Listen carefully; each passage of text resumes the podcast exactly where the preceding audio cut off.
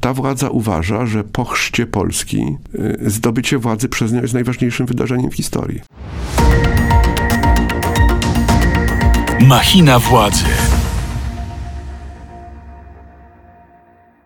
Witam w 28 odcinku drugiego sezonu Machiny Władzy, podcastu Radia Z, w którym analizujemy najważniejsze wydarzenia w Polsce i na świecie. Ja nazywam się Mikołaj Pietraszewski, a moim i Państwa dzisiejszym gościem jest Kazimierz Michał Ujazdowski, senator Koalicji Polskiej, przewodniczący Rady Krajowej wchodzącej w skład tej koalicji partii Centrum dla Polski, w przeszłości m.in. poseł, eurodeputowany oraz dwukrotny minister kultury. Dzień dobry. Dzień dobry, senatorze. witam wszystkich. Zacznijmy od tematów takich bardziej bieżących. Na pewno pan śledzi sytuację sondażową, na pewno pan widział, jak układają się ostatnie badania. Część komentatorów e, zauważa, że osłabły nieco wyniki opozycji demokratycznej, za to wzrosły notowania Konfederacji. Część nawet komentatorów i ekspertów spekuluje, że Konfederacja urosła na tyle, że mogłaby decydować o kształcie przyszłego rządu, a nawet wejść w koalicję z obecnie rządzącym PiSem. Jak pan się zapatruje na te wyniki, jak pan to skomentuje? Ze spokojem, bo był taki wiersz Zbigniewa Herberta, e, chyba fragment raportu o stanie oblążonego miasta, w którym padło słowo nic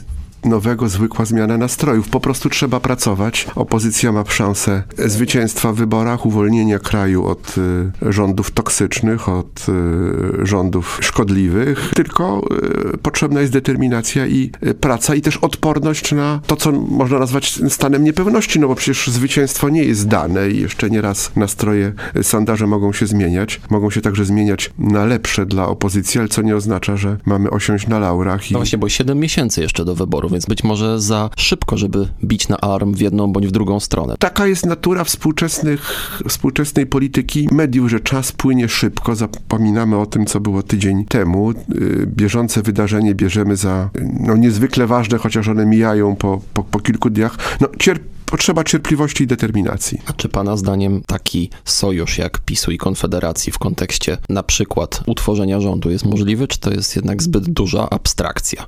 Ja tu nie mówię o wypowiedziach poszczególnych polityków jednej bądź drugiej formacji, bo nie wiadomo, że teraz będą zaprzeczać. Natomiast pytanie, czy to jest pana zdaniem w ogóle możliwe, a jeżeli w ogóle, to co by to oznaczało dla Polski? Pan mnie pyta jako polityka, ale odpowiem jako analityk, tak? Tak, no właśnie bardziej analitycznie, być może trochę rzeczywiście abstrakcyjnie. Uważam, że jeśli młoda, młode kierownictwo Konfederacji inwestuje w przyszłość, to nie zawrze sojuszu z Prawem i Sprawiedliwością. Dlaczego? E, Dlatego, że osłabi ich wiarygodność. Poza tym PiS będzie używał e, wszystkich silnych, brutalnych, pozaprawnych instrumentów, żeby tą partię rozbić. Ma pan na myśli też takie działania, które doprowadziły do marginalizacji samoobrony i Ligi Polskich Rodzin w czasach pierwszych rządów PiS? No, znacznie gorsze działania, bo już pękły e, e, granice. Tak, PiS jest zdolny do wszystkiego, tak, do, do używania policji w rywalizacji politycznej. Więc uważam, że Konfederacja będzie się chciała przeciwko temu ochronić, licząc na to, że kiedyś ona będzie prawicą, a nie PiS. Ale jeśli liczy ta, na to, że ona będzie prawicą, a nie PiS, to nie zawrze sojuszu. Bo to oczywiście ścierają się dwie różne wizje prawicowości, zarówno Prawo i Sprawiedliwość, jak i Konfederacja uważają Nie ma żadnych, e, no mówiąc już językiem współczesnych, komputerowym, nie ma żadnych linków między tymi środowiskami, żadnej sympatii. No, ewentualnie światopoglądowe czasami. No, ale- Być może pewien rodzaj konserwatyzmu, aczkolwiek obydwa środowiska oskarżają się też wzajemnie Jarosław Kaczyński i jego tych idei. współpracownicy robią wszystko, żeby nikt nie miał do nich zaufania. To zaufanie nawet wewnątrz Prawa i Sprawiedliwości jest bardzo Nikt nie miał, do nich za, żadnego zaufania. Proszę zauważyć, że zawiązywano podobne koalicje w latach 90., ale nie było zniszczenia zaufania do tego stopnia, y, które jest y, dziś. Więc jeśli pan mnie pyta jako analityka, to odpowiadam taka koalicja nie będzie możliwa. W tym sensie, że y, dla Konfederacji wejście do rządu z Prawem i Sprawiedliwością to jest groźba unicestwienia. Unicestwienia wiarygodności i podmiotowości. A jak w przypadku Konfederacji przedstawiają się Pana zdaniem zapatrywania ze strony obecnej opozycji, reszty opozycji? Bo na przykład czasami się zdarza, że tam się pojawiają takie może mgnienia oka e, w stosunku do Konfederacji, jeśli chodzi o poglądy gospodarcze. Z kolei były też czasami takie inicjatywy na styku PSL-Konfederacja, na przykład w, zaproponowanie Roberta Gwiazdowskiego jako wspólnego kandydata na rzecznika praw obywatelskich, więc pytanie, czy widzi pan jakąkolwiek możliwość współpracy Nie, z tym środowiskiem, ewentualnie po wyborach? Jako Nie, nie przedstawiciel... ma takiego nastawienia. y, różnice są po prostu potężne, ale uważam, że z Konfederacją trzeba rywalizować w sposób godny, tak? To znaczy w sposób cywilizowany. Pokazywać tej części wyborców o wrażliwości y, wolnorynkowej, y, że jest y, inna, bardziej racjonalna propozycja, którą daje czy dać będzie sojusz y, Koalicji Polskiej PSL z y, ruchem Hołowni, ale bez odbierania przeciwnikowi y, wartości, co, co czynią niestety niektórzy, bo przecież rywalizacja z Konfederacją jest rywalizacją o to, komu zaufają obywatele, a obywateli trzeba szanować bez Zwłaszcza względu... młodzi, ponieważ A obywateli trzeba szanować bez względu na to, czy dziś sympatyzują z Zandbergiem, czy z Konfederacją. Wspomniał pan między słowami o sojuszu z Szymonem Hołownią i z Polską 2050. Czy pana zdaniem to już jest na ostatniej prostej do ogłoszenia tego sojuszu? Tak zakładam. Pan uczestniczy w tych rozmowach? Y, Nie uczestniczę, uczestniczą liderzy obydwu y, y, podmiotów, ale zakładam, że jest to przesądzone. Co do terminu nie potrafię się wypowiadać, to jest w gestii Władysława Kosiniak-Kamysza i Szymona Hołowni. Uważam, że to jest przesądzone. To już jest e, finito, jeśli chodzi o zjednoczenie na, na opozycji? Czy pan widzi jeszcze tutaj jakieś prawdopodobieństwo zawężenia tych list? Jeszcze kogoś do okoptowania? Kooperacja Platformy z Lewicą jest, jest możliwa, ale to naprawdę no, nie chciałbym wypowiadać się ani za Lewicę, ani za Platformę, bo już zbyt dużo jest tych wypowiedzi, w których... y, Czy pan tutaj Że- sugeruje tak zwany wariant czeski? czyli le- lewicowo-liberalny No i blok, oczywiście drugiej- bardzo szybko potwierdzona, bo to już jest no, ogłoszone, ale bardzo szybko utwardzony pakt senacki. To by dawało jasny komunikat. Opozycja jest uformowana z szansą na zwycięstwo. Bo zakładam, że ten pakt senacki pewnie się pojawi i pewnie będzie e, utwardzony, ale mówi pan, że jeszcze ostatecznej decyzji tutaj nie ma, że to się pewnie Nie, rozchodzi. no, co do zawiązania paktu pełnowymiarowego, co dotyczącego wszystkich okręgów, to partie się zobowiązały. E, Więc w przypadku paktu w ogóle nie ma żadnej zwłoki, no, ale y, to musi być wyraziście potwierdzone, tak, y, w najbliższym czasie. Ale, y, ale mm, zakładam, że tutaj mamy, no, po pierwsze, y, doświadczenie zwycięstwa nad PiSem, do, które zobowiązuje do tego, żeby mm, y, powtórzyć je jako wzór, tak, także wzór dla, dla, dla wy, wybo- wyborów sejmowych. Y, I że to, że nic nie zagraża paktowi senackiemu, ale czym więcej dobitnych komunikatów, tym lepiej. Pan będzie kandydował na kolejną kadencję do Senatu? Tak, zakładam, tak, zakładam kontynuację e, tej, tej pracy.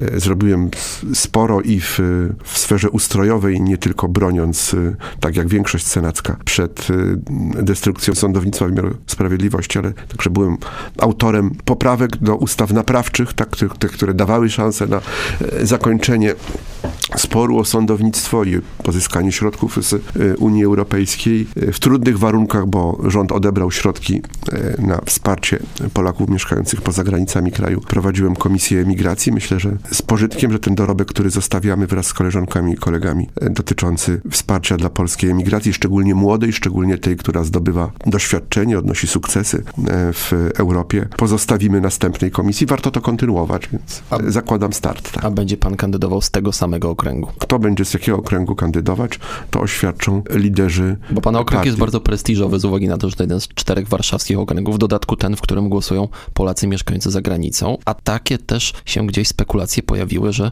może pan zostać przeniesiony do innego okręgu z uwagi na to, że pan w trakcie kadencji zmienił Ale barwy to, to polityczne. proszę pytać o tych, którzy spekulują. Chcę tylko przypomnieć, w tym okręgu wyborczym miałem 59% poparcia, 59% poparcia w Warszawie i 59% poparcia poza granicami kraju. To był bardzo dobry wynik. Wtedy niektórzy uważali, że ja sobie w tym okręgu nie poradzę. Tak, Tymczasem były nawet protesty części opozycji, że pan jest zbyt konserwatywnym kandydatem jak na taki okręg. To były protesty ludzi o dogmatycznie lewicowych poglądach, bo ja nie jestem kandydatem zbyt konserwatywnym. Jestem po prostu człowiekiem od lat tych samych poglądów. Bo wypominano panu E, jeszcze centrowo- w PiS. centrowo. E, tylko proszę zauważyć, że kiedy byłem ministrem kultury i w rządzie Akcji Wyborczej Solidarność i w rządzie Kazimierza Marcinkiewicza, to nikt nie przypisywał mi poglądów e, konserwatywnych jako ważących na polityce kulturalnej. Ale to zostawmy mnie.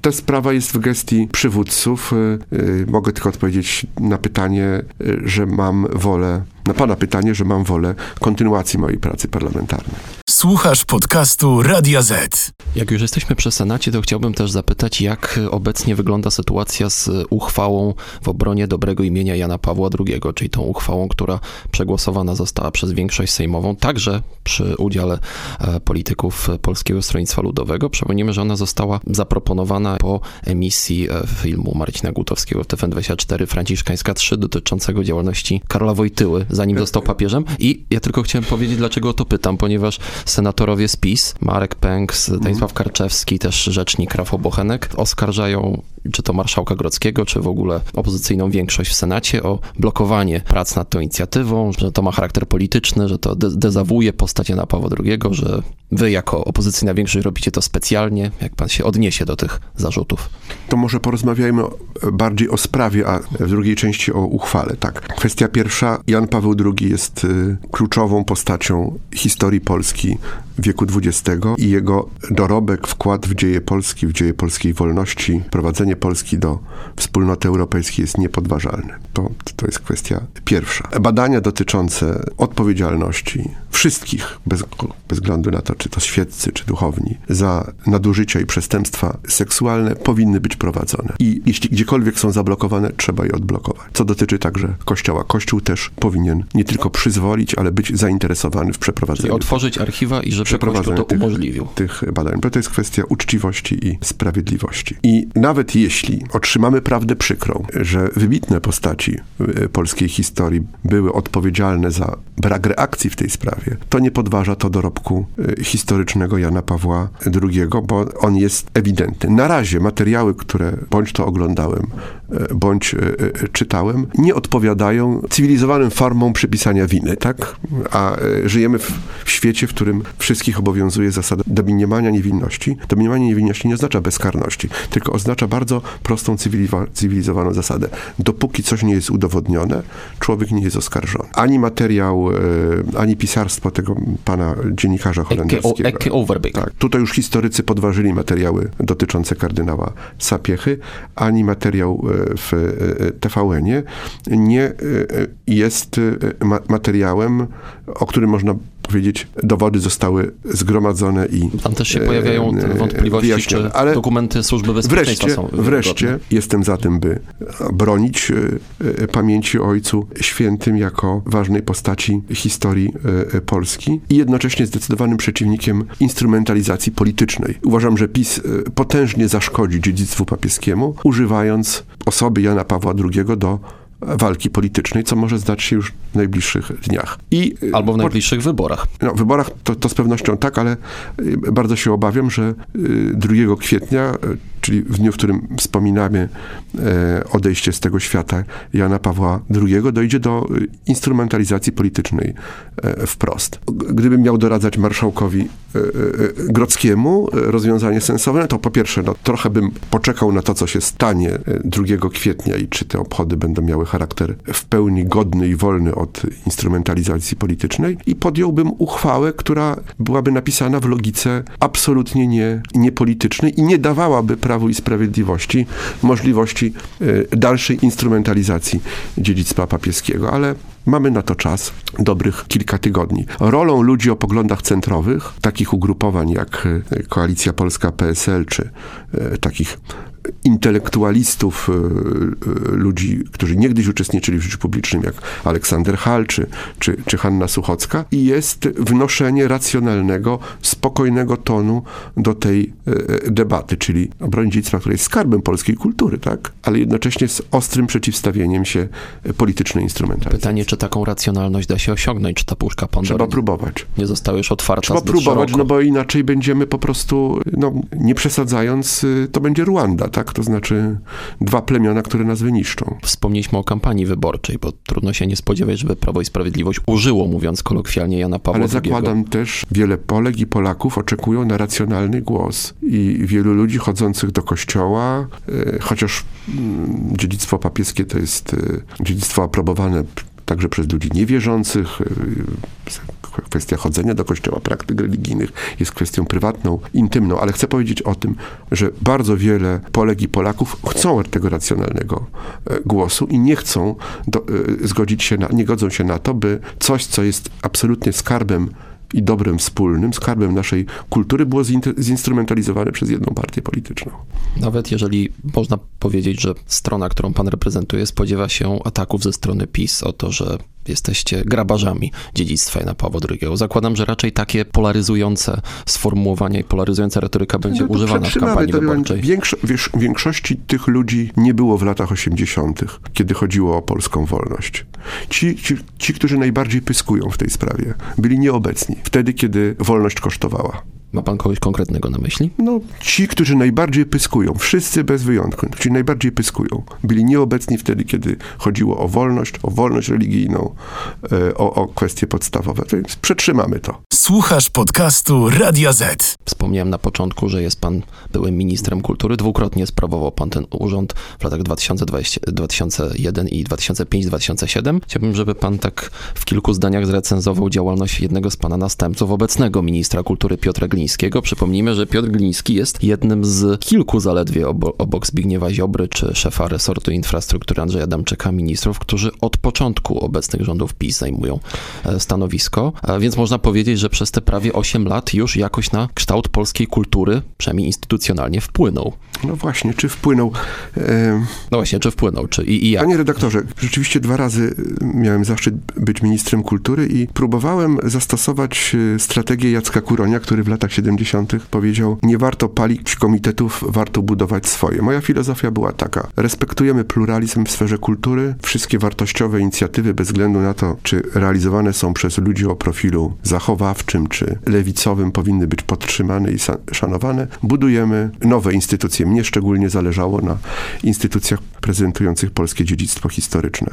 Dzięki mnie ustawiono tą inwestycję, która skończyła się sukcesem, to znaczy Europejskie Centrum e, Solidarności. Wrocław cieszy się ośrodkiem pamięci przyszłość i Centrum Historii Zajezdnia, które pokazuje losy dolnośląsaków od przyjazdu z Kresów po, e, po Solidarność. To zostało. A co po ministrze Glińskim zostało? Ja nie znam wystawy, Albo co zostanie? ale co, co zostało? Zostało dużo przykrych słów w odniesieniu do przeciwników i nic konkretnego. Zostało też dużo oprotestowanych spektakli, filmów, Tak. e, oskarżeń o degenerację. Czyli tak, intensyfikacja wojny kulturowej i właściwie brak efektów, tak, no bo instytucja sztandarowa, jaką jest Muzeum Historii Polski, stworzona, założona w 2008 roku, rzeczywiście w okresie Platformy nie szło to tak, jak powinno być, ale od siedmiu lat jest w rękach ministra Glińskiego. Najpierw ogłoszono, że będzie otwarta w 2018 roku, potem w 2023. Teraz czytam raport LIK-u, nie ma wystawy stałej, nie rozpoczęto prac nad wystawą stałą. Rozumiem, że jest próba otwarcia tego muzeum, Bez wystawy stałej. y, no, przy wprowadzeniu opinii publicznej w błąd, bo inaczej tego nie mogę nazwać. Więc po owocach ich poznacie. Mamy dużo złości. Jan Paweł II pytał w 97 roku na Błoniach, czy polski czyn będzie łączył, czy dzielił. Ten czyn dzieli, jest dużo złości, dużo złorzeczenia i żadnego konkretu. Nie mogę tej polityki pozytywnie oceniać, chociaż trzymałem się zawsze takiej zasady i wielu ministrów kultury się takiej zasady trzyma, że nie krytykuje się ani poprzedników, ani następców, także w imię e, ciągłości polityki i w imię pewnej delikatności tej sfery. Natomiast tutaj nie ma żadnych owoców i jest mnóstwo złości, mnóstwo konfliktów. Właśnie pytanie też, czy jest ciągłość? Nie ma ciągłości, bo ta władza uważa, że po chrzcie Polski y, zdobycie władzy przez nią jest najważniejszym wydarzeniem w historii. No tak, no przecież to jest ta obłędna Uśmiecham się ideologia. trochę, no tak, no, się ale, trochę, ale- ale to, to, y, jeśli się uważa, że nic w Polsce nie było ważne, No ewentualnie rząd Wcześniej. Jana Olszewskiego, bo czasami jest też No, wspominany jako... są takie próby, tak, były takie próby, tak, że nic nie było ważne przed nami, no to, to, to w ogóle nie respektuje się ciągłości. Ja tu mam na myśli takie działania resortu kultury, które zmierzały właśnie do przejęcia pewnych instytucji, chociażby Muzeum Narodowe. Pamiętamy awanturę z y, już byłym dyrektorem Miziołkiem. Nie każda polityka publiczna może być prowadzona w, w duchu dobrego ogrodnika. Dobry ogrodnik to jest ktoś, kto opiekuje się, podlewa, jeśli zmienia, to nie krzywdzi, tak? Ale polityka kulturalna musi być polityką dobrego ogrodnika, a nie inżyniera, który niszczy i zaczyna na nowo. To jest bardzo delikatna sfera. I proszę zauważyć, że w latach 90. i na początku tego wieku Polska miała inicjatywy kulturalne, które podbijały Europę i świat. Na przykład wystawa Kraj Skrzydlatych Jeźdźców, Muzeum Narodowe e, Zam Zamku Królewskiego.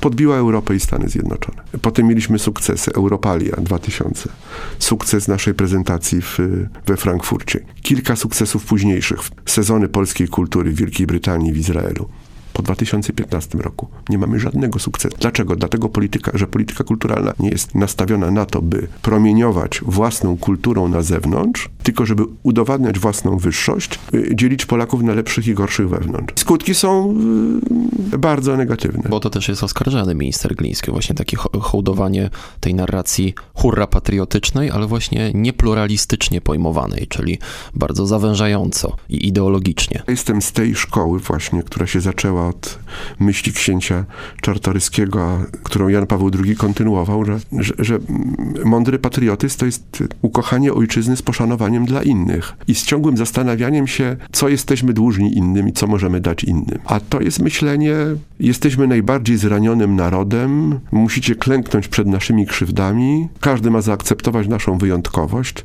No, nie można tak promo- promować polskiej kultury, bo nikt nie jest zainteresowany czymś tak e, skrajnym. No, nie można tak ustawić, tak? Bo to, rzeczywiście wtedy polityka kulturalna już, e, czy promocja kultury e, nie, nie może funkcjonować, bo ona ze względu na złe ustawienie, tak? Co pan sobie teraz myśli, kiedy patrzy na Prawo i Sprawiedliwość, czyli partię, którą pan jednak przez lata współtworzył, której był istotnym elementem? Że bardzo, że, bardzo szkoda, że, że Bo to była jednak zupełnie inna partia, Była, bardziej w stronę współczesnej chadecji, byśmy powiedzieli, tak?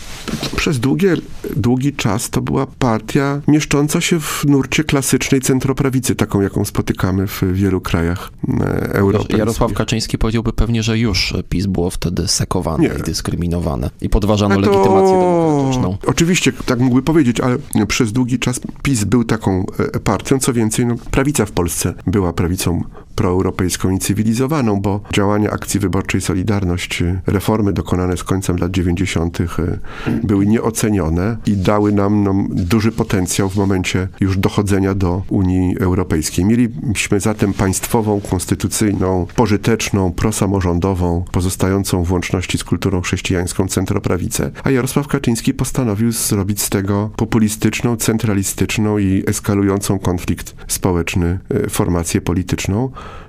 To szkoda, ale to nie jest, to nie może być tak, że e, ludzie o e, tra tradycyjnych, chadeckich poglądach mają się z tym pogodzić, tak? Tacy ludzie są w Polsce i nie chcą być reprezentowani przez Prawo i Sprawiedliwość. Rozumiem, że taką ofertę pan jako przedstawiciel Koalicji Polskiej, czy w ogóle Koalicja Polska jako pewna formacja polityczna złożona właśnie z partii raczej centrowo-chadeckich, Ale to jest taka oferta właśnie dla takich nie osób, tylko ze względów wyborczych, ale ze względów długo, długoterminowych. Nie możemy się zgodzić z tym, by wartości takie jak wspólnota, patriotyzm, racja stanu zostały wynaturzone i zniszczone przez e, partię centralistycznego populizmu, jaką jest Prawo i Sprawiedliwość. Czy pana zdaniem PiS będzie się jeszcze bardziej radykalizował, czy to już jest kwestia tego, czy kiedyś Jarosław Kaczyński odejdzie na emeryturę i rozpocznie się jakaś taka walka o schedę po nim? Właśnie. Dziś zależy to od strategii Jarosława Kaczyńskiego. Na Natomiast te wybory jeszcze na pewno tak. Natomiast on uruchomił taki zestaw emocji, że, będzie, że bardzo trudno zawrócić do czegoś, do polityki racjonalnej. Tak? Jest pytanie rzeczywiście, czy pójdzie jeszcze dalej, ale to jest pytanie o stan, o stan ducha Jarosława Kaczyńskiego. Nie, nie, nie potrafię na to odpowiedzieć.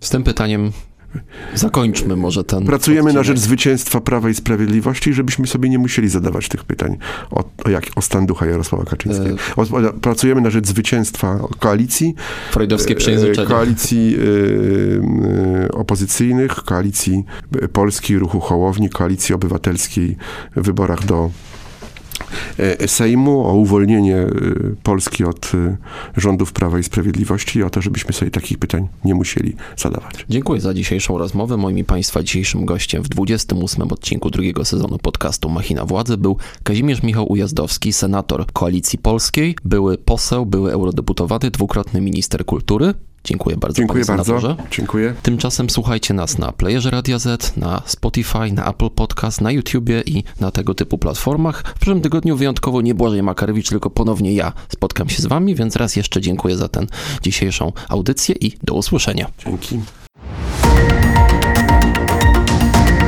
Machina władzy. Więcej podcastów na player radioz.pl.